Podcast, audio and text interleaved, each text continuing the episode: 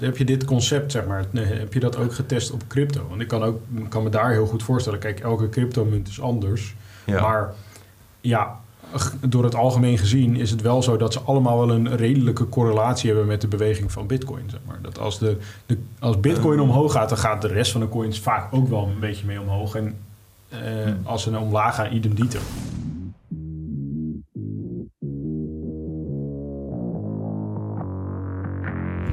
Welkom bij de FX Minds Trading Podcast. De afgelopen jaren hebben wij als individuele traders onze dromen waar kunnen maken. En sinds 2018 proberen wij onze passie voor traden te delen met iedereen die een betere financiële toekomst zou willen bereiken. Tijdens deze podcast is het ons doel om jou zoveel mogelijk te inspireren, te motiveren en te ondersteunen in het behalen van jouw persoonlijke doelen met traden. En we zijn weer bij een nieuwe podcast. Ja, ja, jongens, we zijn er weer. We zijn er weer. Hoe is het, jongens? Ja, ik heb, Goed, met jou? goed? Ja. wel lekker. Heb je er ook weer zin in? ik heb er zin Altijd. Altijd zin in. Heb jij er zin in om me in zo? Ik heb er altijd zin in. Dus Altijd. Waarom komt dit zo overdreven over op de een of andere manier, hè? Dat is ook ook. Ja. Maakt ook niet uit. Maakt Daar niet gaat uit. het om. Lekker Daar gaat het om. Lekker Dat het overdreven is. Maar, um, ome Sander, vertel eens eventjes. Want jij vertelde laatst tegen ons Ja. dat jij bezig was met wat nieuwe projectjes. ja, nou, je bedoelt die algo van de klas, zeg maar. eh. Mhm.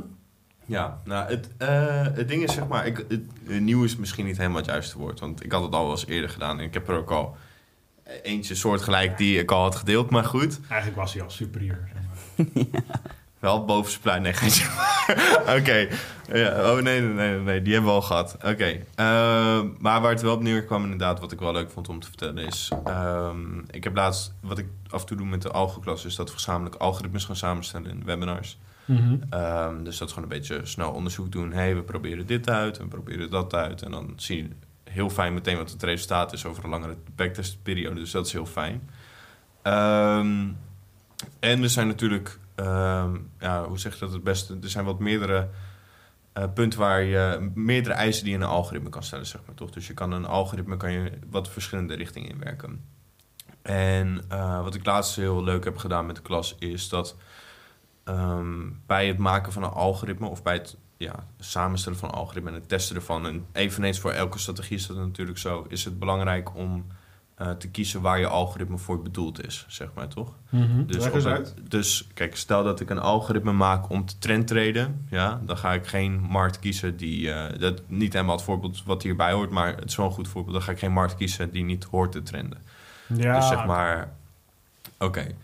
Ehm, daar, daarbij is het natuurlijk wel zo dat ook als je een, een strategie test of een algoritme, dat is eigenlijk pot nat, maar goed, ehm, dat je dus die vraagstelling krijgt van oké, welke gegevens ga ik dan gebruiken om te testen? En de ultieme vraag daarbij is welke gegevens zijn eh, het meest representatief voor wat er in de toekomst aannemelijk te verwachten valt, zeg maar, toch? Mhm. Je wilt het liefst zo zien dat de, de toekomst het meest zoveel mogelijk lijkt op de testdata die je hebt gebruikt. Want dan heb je de hoogste zekerheid van je resultaten die je kan behalen, zeg maar. Zekerheid niet 100%, maar is dan wat ik bedoel, ja, zeg maar. precies. Tot op een zekere hoogte wil Dat- je een soort, soort bevestiging hebben van dat Ja. je strategie werkt natuurlijk. En kijk, het is natuurlijk ook zo dat... ehm, wat, wat ik al, vaak altijd, eigenlijk altijd wel meegeef... is dat er, een soort, dat er een soort van een schaal is, zoals ik het zie... tussen eh, eh, algoritmes en tradingtechnieken die het algemeen goed presteren... en algoritmes slash, training, of, slash of tradingstechnieken die heel specialistisch goed presteren. En wat bedoel ik daarmee is... eh, het, het ideaal, zeg maar toch, is dat je, en dat is dus niet meer in praktijk, maar dat je helemaal aan het uiteinde van de linkerkant van de zaal bij het algemene één algoritme hebt die letterlijk alles kan traden, alle verschillende bewegingen. Nou, dat is natuurlijk niet praktisch haalbaar, want dan zou je constant winst maken. Dat is, dat, zo werkt dat, gewoon niet, nee, zeg maar, precies. toch? Als, maar als dat zou mogelijk zou zijn, dan zou iedereen winst maken. Maar Ja, de dan markt zou je- is competitief. Dus Ja, waar de je- ene winst maakt, moet er een ander verlies maken. Zeg maar. Ja, zoiets. En je zou dan letterlijk elke candle winst maken. Nou, zo werkt dat niet. Maar dat is het- de ene extreme, zeg maar. En de andere extreme is dat je, ehm, zeg maar, eigenlijk alleen maar één specifieke situatie kan uitbuiten, maar die oneindig goed kan uitbuiten, zeg maar. Dus het is, zeg maar, dat zijn de twee ideale extremen waar je natuurlijk nooit gaat raken met de praktijk. Mhm. En in de praktijk is het dus eigenlijk zo dat ergens tussen die ehm, schaal moet je gaan kiezen van... oké, wil ik eh, meer testdata gebruiken, wil ik mijn algoritme of mijn techniek voor meer verschillende situaties uh, bestemd maken. Met de afweging daarbij dat het waarschijnlijk in elk van die situaties iets minder goed presteert dan als ik alleen op hele specifieke situaties zou focussen. Ah, Is dat wat ik bedoel? Ja, nou begin ik Of ga je juist meer op hele specifieke situaties focussen met het uitgangspunt dat je die dan alleen Um, dat je die dan nog beter kan uitbuiten wanneer ze zich voordoen. Maar dat je dus wel de extra uitdaging hebt van dat je moet zorgen dat je alle andere situaties die daar niet op lijken, moet negeren. Ja, precies. Dus, en even, even een voorbeeld van een heel specifieke situatie. Zou dat bijvoorbeeld zijn iets van een omkeer van een trend? Of een heel, ja, een heel specifieke situatie zou bijvoorbeeld zijn dat een, uh, een trend die haast geen pullbacks heeft, zeg maar toch? Dus dat is een, bijvoorbeeld een mooi voorbeeld. Dus ga je, ga je een soort van een systeem maken wat eh, trends die geen pullbacks hebben zo perfect kan exiten dat je bijna de perfecte exit hebt. Nou, de perfecte exit ga je nooit krijgen, maar dat je echt heel krap erop zit. Mhm. Of ga je bij het afstellen van je uh, algoritme wat meer rekening houden met trends die wel pullbacks bezitten en misschien wat chaotischer zijn en wat minder ordelijk. Uh, met als gevolg dat je dus zeg maar je exit wat langer maakt en dus wat later uitstapt en wat minder winst maakt per trade. Maar, of minder winst maakt per trend, maar wel meer verschillende trends kan traden. Zeg maar. Ja, dus zou je dan zeg maar uh, even dus inderdaad in het voorbeeld van er is een trend die eigenlijk geen pullbacks heeft. Daar wil ik op inspelen. Wat je dan bijvoorbeeld dus zou kunnen doen, eventjes wat in mijn hoofd opkomt, om het even duidelijk te maken, is stel wat je dan zou doen, is dat je je stoploss bijvoorbeeld heel krap meetrilt, zeg maar, met de prijs mee. Of Precies, precies. Ah, en, maar er zijn dus ook situaties waarin de trends zijn die wel een pullback hebben. Dus dat je die voor die situaties dus niet die trading stoploss te krap wilt hebben. Waardoor je dus, en dat zoals ik trade eigenlijk altijd het ontwerpen van strategieën is, dan krijg je dus een soort van een, uh, een overweging, toch? Dus ik zie dat vaak als een, een drempelwaarde die je dan instelt. Mm Hè? Uh, hoeveel uh, chaos accepteer ik en hoe specifiek, nou, hoe algemeen moet het presteren en hoe specifiek wil ik het hebben. Dus ik probeer het altijd terug te leiden naar die schaal van algemeen tot specifiek. En Kijk, eh, dat, dat brengt wat meerdere, dat, dat discussiepunt is op wat meerdere toepassingen, zeg maar toch. Dus het, het komt ook voor in welke data gebruik je. Dus um, op het moment dat ik um, ehm, 20 jaar testdata gebruik, mm -hmm. maak ik bij voorbaat een algoritme. En het uitgangspunt dat ik binnen een set keuzemogelijkheden de perfecte instelling maak voor die 20 jaar vind, wat een groot vraagteken is, maar goed.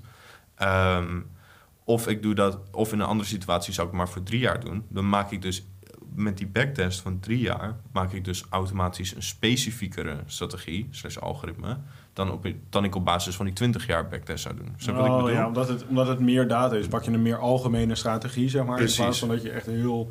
Ja, oké. Ja. Oh, en een... Um, kijk, en wat dus uh, een heel belangrijk uh, discussiepunt is van treden. En ik noem het expres een discussiepunt, omdat, er, omdat ik niet denk dat er echt een objectief waar of onwaar antwoord op is. Dat het mhm. vooral de overweging belangrijk is. Um, is hoeveel data kies je nou om je test op te baseren? Welke gegevens ga je gebruiken om te kijken of je strategie het goed doet? En het ding dus is met minder data ga je, vind ik dat je op de specifieke kant van de schaal zit en met meer data dat je op de algemene kant van de schaal zit.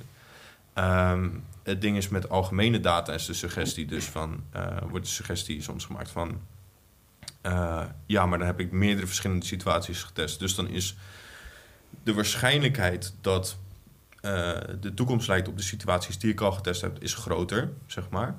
Zeg wat ik bedoel? Mhm. Omdat je er gewoon simpelweg meer ja, meer, meer testdata hebt, zeg maar. En je kan het ook, er zijn ook mensen die het benaderen van het oogpunt, ja, maar ik verwacht dat de, alleen de data van de afgelopen paar jaren relevant is ten opzichte van wat ik kan verwachten. Omdat ja, met, met het beeld dat de markt ook on, ontwikkelt, door de tijd heen. Zeg maar. Ja.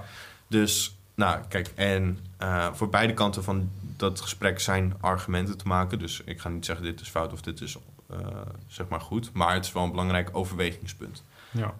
Um, ik vind, of ik zie mezelf als iemand die graag aan de algemene kant van de, de schaal zit, zeg maar. Dus niet specifiek. Dus zoveel mogelijk wat data testen. Meer data, zeg maar. Um, en een, een, praktijkvoorbeeld daarvan, en ik had het al een keer eerder gemaakt, maar dit keer heb ik het dus samen met studenten gemaakt om het proces gezamenlijk door te nemen. Mm ehm, is dat ik een... al- Ik had het al een keer gedaan, maar een algoritme heb gemaakt voor Apple, Microsoft, Google en Amazon. Dus vier verschillende aandelen. Ja. En dan een testperiode van tussen de 10 en 15 jaar of zo, denk ik. Zeg maar. Dus dat keer vier, dan zit je best wel een testdataset van eh 40 tot 60 jaar, zeg maar, Ja. testdata.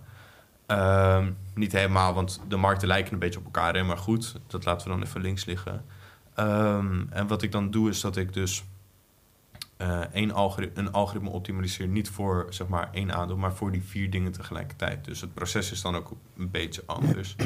Dus wat sowieso, ja, en voor degenen die nog nooit hebben gebacktest, kan dit misschien een beetje apart klinken, maar ehm, bij het eh, fine-tunen van een strategie of een algoritme is het altijd zo dat je, je test iets en dan kijk je welke statistiek ga je gebruiken om te bepalen aan welke statistiek, aan de hand van welke statistiek ga je het beter maken. Ja, dus, Dus- ga je sleutelen aan Ja. zeg maar, je totale winst en verlies of je strike rate of Ja, eh, dat, dat soort dergelijke eh, dingen. Zo. De, de statistiek die mijn voorkeur heeft en die ik ook voornamelijk meegeef in mijn klas is het gemiddelde jaarlijks rendement versus de grootste drawdown. Dus Mhm. dan pak ik het eh, rendement van jaar tot jaar, zeg maar, en dan vergelijk, vergelijk ik die met de grootste drawdown. Er zijn meerdere statistieken die je kan gebruiken, maar die heeft gewoon mijn voorkeur. Mhm.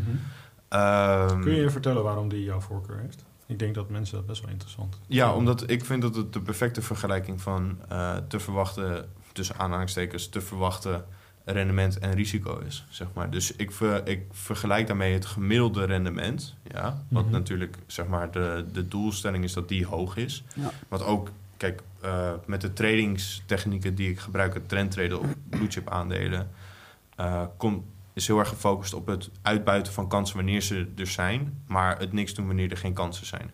Dus ehm, zeg maar, het zou heel goed kunnen zijn dat ik eh, een jaar of twee jaar lang gewoon hele matige resultaten heb, heel weinig winst, en in andere jaren heel veel winst, maar dat ik in die matige jaren in ieder geval geen tot minimaal geld heb verloren, zeg maar. Ja, precies. En wat je dus eigenlijk een beetje het doel daarmee is, is dat je dus eigenlijk zeg maar je algoritme probeert beter te maken dan wanneer je gewoon een buy and hold zou Ja, ja, ja, precies. Ja. Ik zeg ook altijd, wat ik eigenlijk doe, is wat de belegger doet, maar dan beter.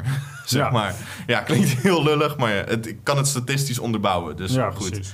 Ehm, nou, vanuit dat oogpunt is het dus logisch om naar het gemiddelde jaarlijks rendement te kijken en niet naar de piek en de dalen, zeg maar. Ehm, want het is een langere termijn spel. Ehm, en het allergrootste drawdown is, je weet niet wanneer er weer een marktcrash aankomt, zeg maar toch. Dus Mhm. de vergelijking, ik vind het logisch om de vergelijking van vind ik dit gemiddeld jaarlijks rendement het waard? Nou, dan is de vraag, vind je het waard ten opzichte van wat? Ten opzichte van het risico. En wat is dan het risico? Ik zeg, het risico is het allergrootst gemeten risico tot nu toe, zeg Ja. maar. Dus dan ga ik van, van de worst case scenario die we tot nu toe hebben kunnen vinden, ga ik uit en dat neem ik dan als vergelijkingspunt. Ehm, goed, bij het optimizen is het dus makkelijker te doen om dat over één, bijvoorbeeld één aandeel te doen, tien jaar, zeg maar toch. Dan kom je al vaker hoger in die ratio, zeg maar toch. Dus dan heb ik het eh, over een- boven de 1,5, zeg maar. Dus dat je gemiddelde jaarlijks rendement meer dan 1,5 keer zoveel is dan je allergrootste drawdown, zeg maar. Mhm.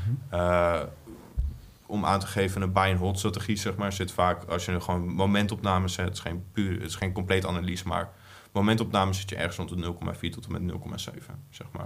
Dus dat is wel statistisch, echt statistisch beter. Ja, Ehm, het ding is dus, maar het, eh, het is dan wel zowel eh, met één, met één koers is het dus makkelijker. Maar ik zeg dan van oké, maar ik zou graag willen zien dat ik nog wat meer aan de algemenere kant zit.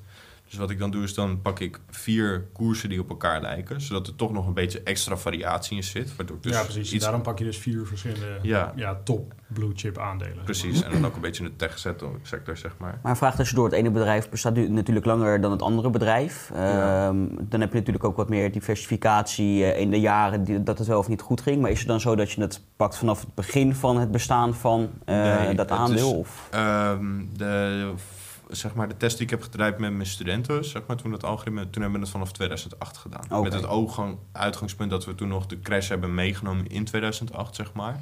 Ehm, en dat we die testdata ehm, en dan toch wel ook weer een beetje... Dus het is een beetje dat balanceerspel tussen algemeen en specifiek. Ja. Dus dan dat we zeggen van ja, we houden toch wel rekening met het concept van dat... eh, recentere data wellicht wat relevanter is. Dus Mhm. we zijn niet voor 2008 gegaan, maar we hebben ook weer aan de andere kant dat zeggen van, nou, we willen wel, we willen niet te weinig verschillende situaties meetesten, dus dan pakken we in ieder geval best wel wat. Uh, dus dat was 2008 tot en met 2022 wil ik zeggen. Dus dat is iets van uh, 14 jaar, denk ik. Ja. 13, 14 jaar, zoiets. Ja. Ehm, nou, en dat dan keer 4. Dus dat is... Uh, dus een 4, 4, 4, Nou, bijna 60 jaar. Ja, 52, Bijna 60 50, jaar. 52 jaar aan data, zeg maar. Ehm, en het ding is dus, het, eh, het fijne is, ehm, op het moment dat je iets voor één aandeel samenstelt, in ons geval de aandelen, ehm, dan maak je een aanpassing in je algoritme. Je ziet in die strategy test, testerbox van TradingView, zie direct de resultaten. Je hebt een rekenmachine of een Excel-sheetje erbij. En je hoeft alleen maar, eh, het aantal jaren staat vast. Je doet het jaarlijkse rendement invullen en je drawdown. En volg aan de hand van een volume berekent die, die ratio waar ik het over had, zeg maar. Kan je dat heel snel doen en je ziet het ook heel snel op het oog, zeg maar toch. Want op het moment dat ik een aanpassing maak in mijn algoritme en ik zie dat ehm, en mijn rendement omhoog gaat en mijn grootste drawdown naar beneden gaat, ehm, dat ik altijd goed zit, zeg Ja. maar toch. Ja. En omgekeerd dat ik altijd Dat fout is wel zit. positief. Precies.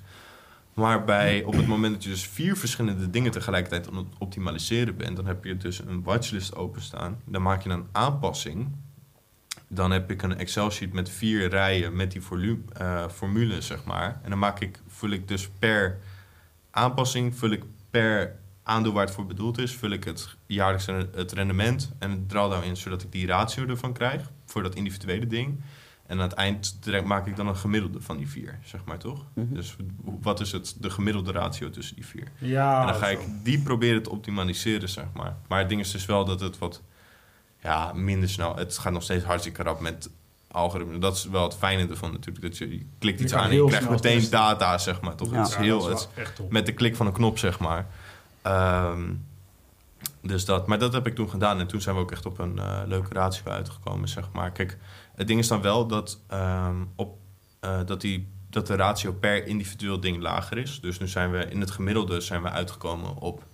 Ik kan het niet meer precies herinneren. Maar ik wil zeggen ergens tussen bij de 0,7, zeg maar. Mhm. In het gemiddelde. Ehm, maar dan hebben wij ook nog een testfase. dat heb ik toen laten ontwikkelen. Dat, we noemen het het dashboard. Ik weet niet of dat de beste naam is, maar goed, we noemen het het dashboard. Ehm, en wat het dashboard doet, is dat die, je, je stopt er een lijst van trades in. van verschillende financiële producten. En het enige wat er per trade genoteerd hoeft te zijn, is open datum, sluitdatum, risk-reward ratio en risicopercentage. Maar dat zijn de vier aspecten Ja. van de trade die invloed hebben op je balansverloop, zeg maar. Ja. En dan eh, maakt hij een logische verloop van al die trades. En dan pakt hij van de open datum van de trade... pakt hij de balans die op dat moment was... doet hij dat keer zeg maar, de risk-reward ratio en de risicopercentage. En dat voegt hij dan weer toe bij de exit van de trade. Waardoor dus eigenlijk... Ja, kan Ja, je krijgt dus echt zeg maar een chronologische weergave Ja, van met hoe allemaal- je trades eh, zouden verlopen. met allemaal sprongetjes die door elkaar heen lopen, Ja. zeg maar. En dat de berekening dan goed is. En het interessante is dus ook dat wanneer je dat dus doet, dat ook door, eh, ja, we hebben het nog niet hiervoor erover gehad, maar risicospreiding krijg je dan een beetje.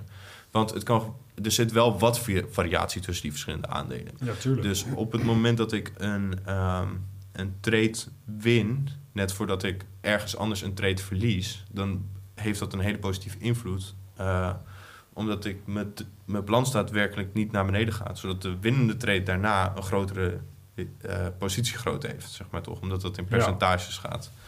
Dus kort door de bocht gezegd, ehm, risicospreiding heeft een eh, positieve invloed op exponentiële toename en exponentiële afname van je balansgroei, zeg maar, toch? Mhm. Voor je balansverloop.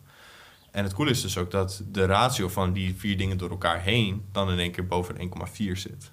Snap je? Mhm. Dus dan gaat het wel in één keer, dan zeg je, oh, in het gemiddelde was het algoritme presteerde, zeg maar, de gemiddelde belegger wel wat uit, maar niet veel. Mhm. Maar op het moment dat je dan, zeg maar, zoals het ook bedoeld is, die vier aandelen bij elkaar gooit en je test wat zou er zijn gebeurd als ik dat algoritme daadwerkelijk zou hebben getest met die vier aandelen door elkaar heen. Dan zeg je, kom Dan is het ineens nog, nog veel beter, zeg maar. Dan is het in één keer heel sterk. Ah, en dan ehm, ook met een grotere dataset, dus aan de algemenere kant. En bij voorbaat is het dus zo dat hoe meer je aan de algemenere kant zit, hoe moeilijker, moeilijker je het voor jezelf maakt om een hogere ratio te halen, om een beter resultaat te halen, beter gezegd. Mhm. Makkelijker gezegd. Ehm, maar dus wel met de, de aannemelijke verdiensten dat, het, dat de resultaten betrouwbaarder zijn, zeg maar. En hoe meer je aan de specifieke kant zit, hoe makkelijker het is om een hoog eh, resultaat te behalen of een goed resultaat te behalen. Maar dan wel met het afweegpunt dat, het, eh, dat je resultaten wellicht wat minder betrouwbaar zijn, zeg maar, in de toekomst. Ja, precies. Dus uh, ja, en dan zeg maar, het is natuurlijk altijd hartstikke cool om daarover te vertellen en zo. Maar uh, het was ook wel leuk dat ik dat dan in de webinar heb kunnen doen met studenten erbij. Want dan merk je toch dat er een paar kwartjes vallen van, oh, zo werkt dit dus. Ja, uh, en dan, ja precies. Als je het voordoet, dan ja. is toch een beeld bij. Ja, en dan heb Ja. je ook gewoon een, echt een, een live bewijs van, hey, dit is het onderzoeksproces. Dit is waar ik eh, de aannames en de gegevens op baseer. En je ziet het terwijl ik het doe. Ja. Eh, dus dat was wel... eh, ja, precies. En dat is ook, Een coole. ook weer een stukje transparantie. En inderdaad gewoon een stukje proof van dat, dat het werkt en hoe het werkt, zeg maar. Dat je gewoon echt live laat zien van... zo bouw je dus een algoritme en ja, zo maak je het winstgevend en zo optimaliseer je het. En dat is echt denk ik wel heel vet. Ja, en dan ook dat ze een beetje meekrijgen van... eh, wat dus, dat ze in praktijk meekrijgen wat de voor- en nadelen van... zeg maar, een, een plek kiezen op die schaal wees. Zeg maar, dus wat het Ja, nadeel was van algemeen... Maar dat, dat, wat dan uiteindelijk weer het voordeel was en dat soort dingen. Ja, precies. Want Ja. ik denk ook dat iedereen daarvoor zichzelf een keuze in moet maken van wat hij Ja. fijn vindt. Of ze meer inderdaad het algemeen of meer het specifieke willen. Ja, Want het, ja, zoals je in het begin ook zei, er is niet een soort goed en fout. Het is alleen, het Nee. ene heeft voordelen en nadelen en het andere heeft andere voordelen en nadelen. En Ja. vaak is het voordeel van het een is het nadeel van het ander en andersom. los van strategieën die het gewoon echt niet doen natuurlijk. Kijk, Nee, er zijn wel je hebt ook eh, strategieën die gewoon aan beide kanten van het spectrum gewoon kut niks- zijn, niks, zeg maar. Niks kunnen. Ja, Ja, dat heb je ook wel eens. Maar- nee. het zijn wel vaak, ben ik echt met je eens, het zijn wel vaak zeg maar van die ja, balanceerprocessen van kies ik dit of kies ik dat, zeg maar. Ja. Maar neem je dan ook in het balanceer eh, dat je het gaat afwegen mee van dat je ook de, dan diversificatie hebt tussen de verschillende soorten aandelen, dus op techgebied of hou je daar in dit geval in dit voorbeeld geen rekening maar, mee? eh, het ding is wel op het moment dat je een algoritme maakt. ehm, kijk, dus vier aandelen die redelijk op elkaar lijken. En dan heb Mhm. ik het nog steeds over een statistisch best wel een lage correlatie. Maar eh, er zit wel wat vergelijkenis in. Dat lukt nog wel, zeg maar toch? Dus dat zit, naar mijn ervaring, wel zodanig ver op de algemene eh, effectiviteitsschaal ja, dat het nog net te doen is, zeg maar. Dat het nog te doen is. Eh, ook met betrekking dat we nog steeds wel handmatig alle dingetjes uitproberen. Eh, maar we zien gewoon de resultaten heel snel, zeg maar toch. Maar Ja. tussen de miljoenen keuzemogelijkheden kan je niet overal... kan je niet alles met de hand testen, dat is niet te doen. nee. Hoeft ook niet trouwens hoor, maar goed. Ehm, het ding is wel, kijk, op het moment dat ik aandelen ga kiezen die te veel variatie hebben, zeg maar toch, dan ga ik te ver naar die algemene schaal. Ehm, Mhm. En dan wordt het wel heel lastig om er nog een goed resultaat uit te halen. Dus één basisaanname wel is van eh, de type algoritmes die ik maak, is dat de testdata, en dat is met elke trainingtechniek zo, dat daar gelaten, is dat de data die ik gebruik van de aandelen, is dat dat ook het gedrag is wat ik in de toekomst verwacht, zeg maar. En ja, kijk, natuurlijk, het blijft een aanname. Dus dat is altijd, het is altijd een basisaanname van traden dat de gegevens die je gebruikt om je strategie te testen, automatisch maak je daarmee de aanname dat je in de toekomst soortgelijke bewegingen verwacht. Want Mhm. anders dan zou je die gegevens niet gebruiken om te testen, zeg Ja. maar. Ehm, en wat ik dan wel heb als eh, verantwoording voor de type aandelen die ik dan kies, is dat dat de, de grootste in de sectoren zijn eh, die zo'n belangrijke maatschappelijke en economische rol hebben. ehm, dat het heel onwaarschijnlijk is dat zij hun karakter verliezen. Snap je? En daarmee ook hun karakter precies. op de, op, de, op de beurs verliezen, zeg maar. Ja. Dus van Apple verwacht ik niet dat het eh, simpelweg een scheidzooi wordt op de beurs, zeg maar toch. Want dat is zo gevestigd dat ik kan me haast niet voorstellen dat dat eh, in vergelijking tot wat met alle shit die je sinds 2008 al hebt meegemaakt met al die crashes, waar het natuurlijk wel gewoon vatbaar is. Maar dat heb je dan al meegetest en dat gaat goed. Ja. Dat er dan nog een situatie is die we nog niet hebben meegemaakt sinds die periode, die dan wel in de toekomst gaat voorkomen. Het, ik weet niet. Ik denk dat het daar iets te gevestigd voor is. En tot zover werken die aannames hartstikke goed voor mij. Ja, en hoe ehm, heb je dat ook? Heb je dit concept, zeg maar, heb je dat ook getest op crypto? Want ik kan, ook, kan me daar heel goed voorstellen. Kijk, elke cryptomunt is anders. Ja. Maar ja, door het algemeen gezien is het wel zo dat ze allemaal wel een redelijke correlatie hebben met de beweging van Bitcoin. Zeg maar. Dat als, de, de, als Bitcoin Eh. omhoog gaat, dan gaat de rest van de coins vaak ook wel een beetje mee omhoog. En eh, Hmm. als ze naar omlaag gaan, idem dito. Het, eh, Heb je het, daar, heb je daar ik heb wel eens, gekeken? Of- ik heb wel eens crypto, kijk, ik heb wel eens crypto getraind met de technieken die ik gebruik, zeg maar, toch? Mhm. Ehm, vooral in de periodes waar het heel goed ging en zo, zeg maar. Toch? Dus het was eigenlijk elke techniek die ik toen gebruikte, ging goed werken. Zolang als je maar niet short ging, zeg maar. dat, dat was het simpele. Als je gewoon Dus- buy drukte, Dan had je een hele dan grote had je wel grote kans dat het Ja, werkte. dus tot, tot hoeverre kan ik daar zeg maar eh, kwaliteit, eh, kan ik die kwaliteit toe-eigenen aan mijn strategie? Ja. Ja. ik denk niet tot heel ver.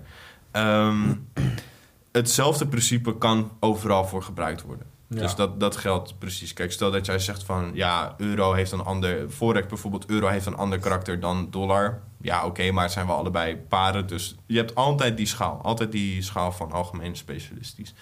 Het, ehm, wat wel een ding is waarom ik aandelen trade, is kijk, ehm, een ding aan algoritmisch traden is, kijk, een, stel dat je met het oog treedt, dan hoef je alleen te zeggen, ik ga specifiek op deze situaties traden, zeg maar toch? En jullie kunnen jullie zelf dermate van technieken traden om ook alleen, om alles te negeren wat dat niet is. Mhm. Het lastige aan een algoritme is, je moet het ook leren aan de hand van wiskunde en hele objectieve stellingen, wat, wat situaties van elkaar verschilt. Dus waar jij op het oog zou kunnen zeggen, oh, dit is niet hetzelfde als dat, moet ik een wiskundige metho- methode vinden Die dat om voor dat, aangeeft. om Ja. dat te onderbouwen, zeg Ja. maar toch? En dat is soms uitdagend. Dus een voorbeeld daarvan is, uh, consolidation is heel makkelijk te filteren. Neerwaarts, opwaarts markten heel makkelijk te onderscheiden. Nou, heel makkelijk is overstemmen, maar goed, het is te doen. Choppy zone is superkut, zeg maar. Dat is echt de, de Achilles, hoe noem je ze dat? Achilleshiel. Ja, Achilleshiel van eh trendtrading algoritmes, zeg maar. Dat is, zijn choppy zones. Hoe ga je choppy zones onderscheiden? Hoe ga je chaotische markten onderscheiden van niet-chaotische markten? Dat is een heel groot vraagstuk. En als je daar een heel goed antwoord op hebt, dan word je een hele goede algo-trader. Nee, is echt zo. Een Heel, di- heel direct verband met hoe goed je erin gaat worden. Ehm, dus waar een eh, andere trader, wat makkelijk, een niet-algoritmische trader, naar mijn denkwijze, wat andere, makkelijk een andere markt kan benutten, Mhm. ja, met eventueel wat meer chaos, moet ik ervoor kiezen om markten te benutten die minder chaos hebben. Snap je? Wat dat Mhm. betekent, hoe minder chaos er is, hoe minder ik daar rekening mee hoef te houden. Zeg maar toch? Ja. Dus dat is sowieso een dingetje met, eh, zeg maar, ehm, waarom, ik, waarom je deze techniek vaak combineert met aandelen of blue chips. En sommige edelmetalen, en zo werkt het ook goed mee. En graan is ook, kan ook heel goed. Maar, ehm, en daarnaast, ik denk dat ik een beetje off-track ging daar. Geen idee waarom. Geen idee, maar maakt niet Maakt uit. niet uit. Ehm, Mag altijd. je, je vroeg ook naar hoe zit het met cryptocurrency. Ehm, een ding van cryptocurrency bijvoorbeeld is de vraagstuk van hoe presentatief zijn de gegevens die we hebben ten opzichte van wat we verwachten in de toekomst.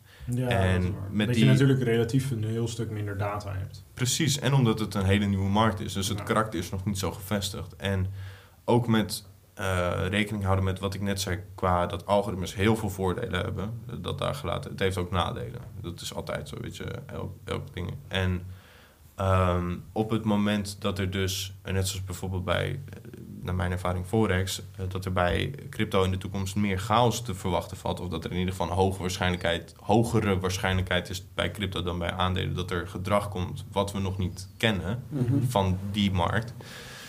Ehm, is dat niet iets waar ik snel algoritmisch treden ten bloot zou stellen. Snap je wat ik daarmee bedoel? Ja, nee, dat is begrijpelijk. Dat Dus- is begrijpelijk. Want en natuurlijk, de cryptomarkt is ook nog inderdaad best wel onvoorspelbaar.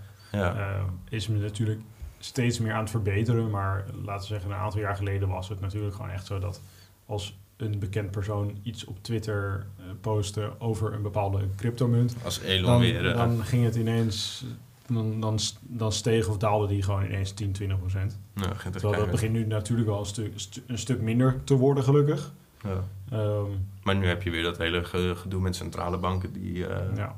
dwars liggen, zeg maar.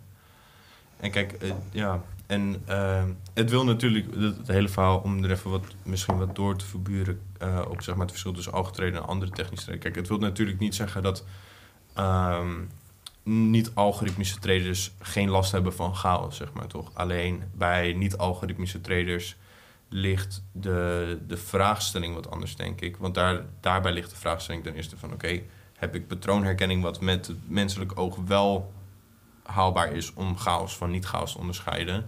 Of kan ik de persoonlijke skill aantrainen om chaos van niet-chaos te onderscheiden, zeg maar. Ja. Eh, en dat zijn gewoon geen opties die wij hebben. Nee, zeg maar, precies. Ik, eh, ik Het kan is gewoon geen... heel lastig om dat, eh, om dat, om die, om dat onderscheid Ja. te maken, omdat je onderscheidt. Ehm, Op basis van hele subtiele en subjectieve inzichten, Ja, zeg maar, toch? ja, nee, dat ben ik het zeker met, Ja, met je eens. Dus dat. Dus dat. Ja, Ik, eh, bijzonder denk- gesprek wel weer. Ja. ja. Ja. Ik vond het een interessant. Onderwerp. Soms was het best wel lastig te volgen, maar op een gegeven moment dan viel het kwartje weer. Ja. Maar eh, ja, ik denk dat ook onze kijkers en onze luisteraars eh, hier zeker wat aan, aan hebben gehad, als ze het kunnen volgen. Ja, en anders... Ehm, eh, en anders ja, moet je anders gewoon onze andere podcasts kijken. Die waren ja, een stuk gewoon, simpeler. gewoon vragen en zeg je gewoon in de comments van... Hey, dit snapte ik niet. En dan pakken we dat de volgende Ja, keer dan weer zal ik het naar Sander doorsturen. En dan, Nee, dan doen we het gewoon weer in de podcast, joh. Gaan we het weer in de podcast Ja. gaan we het gewoon weer behandelen. Helemaal top. Ehm, ja, ik denk dat we er dan zo wel zijn. Ja, dat denk ik ook Ja, wel. ik vond het gezellig en ik denk jullie ook. Ja. Ja. En ehm, dan zeggen we zoals elke week weer... Tot ziens! Tot ziens! Hey! Bedankt voor het kijken of luisteren naar de FX Minds Trading Podcast. We hopen dat deze podcast jou heeft geïnspireerd, gemotiveerd en ondersteund bij het behalen van jouw persoonlijke doelen. Wil je meer te weten komen over trading en het handelen op de financiële markten? Abonneer je dan nu op ons YouTube-kanaal of volg de FX Minds Trading Podcast in jouw favoriete podcast-app. Altijd op de hoogte te blijven van de nieuwe FX Minds podcasts. En zou je FX Minds graag willen helpen? Geef deze podcast dan een like of laat een review achter op Google of in jouw favoriete podcast-app. Zo zorgen we er samen voor dat meer mensen deze podcast ontdekken. En heb je interesse om Forex te leren traden? Neem dan een kijkje op fxminds.nl en meld je aan voor het lidmaatschap. Of download ons gratis e-book. En hopelijk zien we je weer bij de volgende Trading Podcast.